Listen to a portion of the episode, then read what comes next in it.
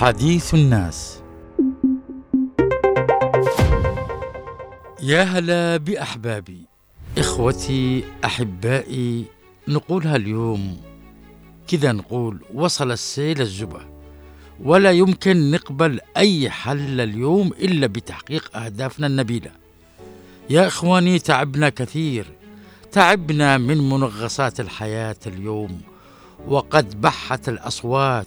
كل يوم والناس تشكي وإلى متى؟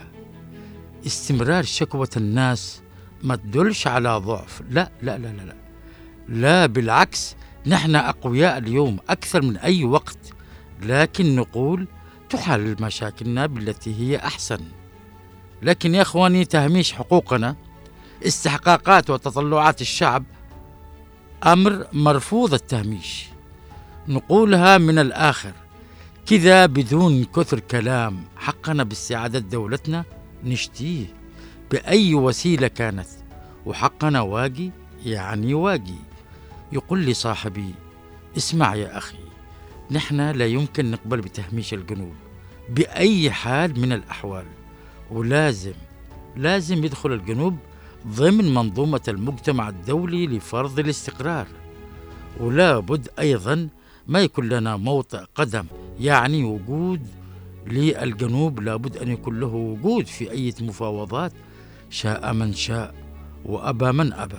قلت له يا صاحبي قد أكد الرئيس القائد عدروس بن قاسم الزبيدي مرات ومرات وليسمع القاصي والداني هذا الكلام.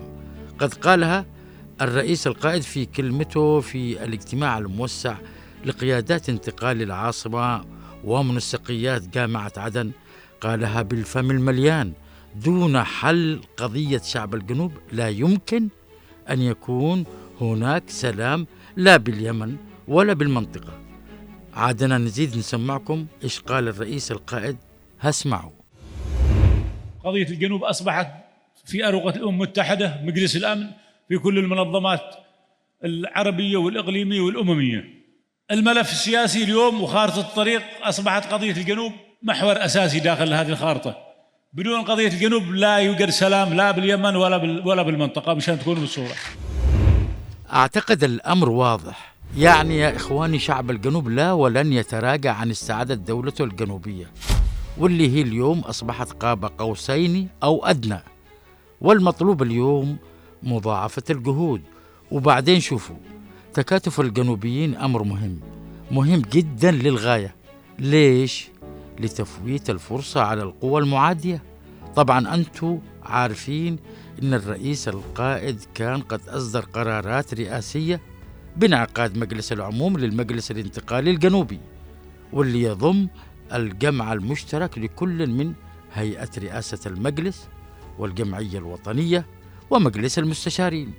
واليوم كل الجنوبيين يترقبون انعقاد مجلس العموم اللي بيلتئم بتاريخ الثاني من يناير للعام الجديد 2024 بناء على دعوة الرئيس القائد. وعلى فكرة هذا الأمر يأتي في توقيت شديد الأهمية وفي لحظة فارقة على صعيد المسار السياسي في خضم الحديث عن التوصل لتسوية سياسية في الفترة المقبلة. والرسالة واضحة على فكرة. الرسالة واضحة من انعقاد مجلس العموم وفحوها إيش؟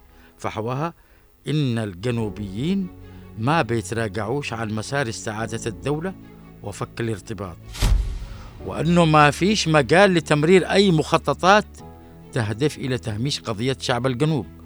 قضية شعب الجنوب تعيش في وجدان كل الجنوبيين ولن يتخلوا عنها أبدا.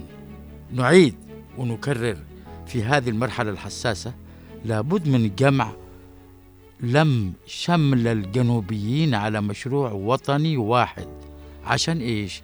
عشان يكون بمثابة جدار راسخ يقضي على أي مخطط يرمي إلى استهداف الجنوب بأي حال من الأحوال واليوم يعلم القاصي والداني يعلم بأن القيادة السياسية الجنوبية ممثلة بالمجلس الانتقالي الجنوبي برئاسة الرئيس القائد عيدروس بن قاسم الزبيدي رئيس المجلس الانتقالي الجنوبي نائب رئيس مجلس القيادة الرئاسي يعرف أنه القيادة السياسية تعول على تعزيز وحدة الصف الوطني الجنوبي بما يساهم في تقوية الجبهة الداخلية والقضاء على أي محاولة للمساس بها.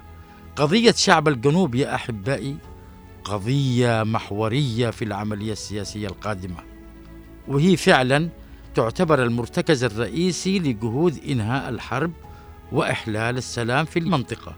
وأنتم عارفين عارفين تماما بأن الموقف السياسي للمجلس موقف ثابت. ولا يمكن يحيد عنه ولا يتراجع أيضا عن أهداف شعب الجنوب إما النصر أو الشهادة. وكما قال الرئيس القائد الهدوء الذي يسود الجنوب حاليا تعقبه عاصفة لاستعادة دولة الجنوب. أتكلم معكم اليوم وأريدكم أن تعرفوا أن الموقف السياسي بالنسبة لنا من رئيس المجلس الانتقالي إلى أي أي عضو بالمجلس الانتقالي موقف ثابت لا حياد عنه. أنا أقول لا حياد عنه ممنوع أن نتراجع حتى واحد سنتيمتر على قضية الجنوب وعلى أهدافنا السياسية والاقتصادية. وكلما نادينا من أول يوم اليوم وضعنا أفضل بكثير مما كنا عليه. هذا الهدوء اللي بتشوفوه وهذه السكينة. بعدها عاصفه بالنسبة للجنوب بعدها عاصفه واستعاده دوله ما في خيار غير هذا الكلام.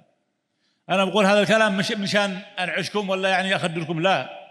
هذا الكلام بالنسبة لنا ما فيش مساومة عليه يا إما النصر أو الشهادة. ما عندنا خيار ثاني. كلام واضح. يا إما النصر أو الشهادة. اذا نقول لكم يا أحبابي وبتظل روح الجنوب تعيش في نفوسنا وفي نفوس الأجيال القادمة كمان.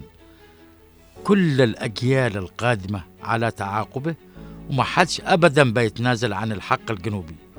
وستظل روح الجنوب وعمقه الاستراتيجي بما تحتله من موقع مهم وبما تزخر به من كوادر وكفاءات. الحقوق المشروعة آتية لا ريب فيها. عموما كلام فخامة الرئيس القائد كان كلام واقعي. فيه روح المسؤولية الصادقة والشفافية ويحمل رؤية موضوعية. كلمته بحق يا أحبابي كانت قوية صارمة فيها من الحزم والقوة ومثلت جرعة إنعاشية لاستنهاض الهمم. مش كده ولا لا؟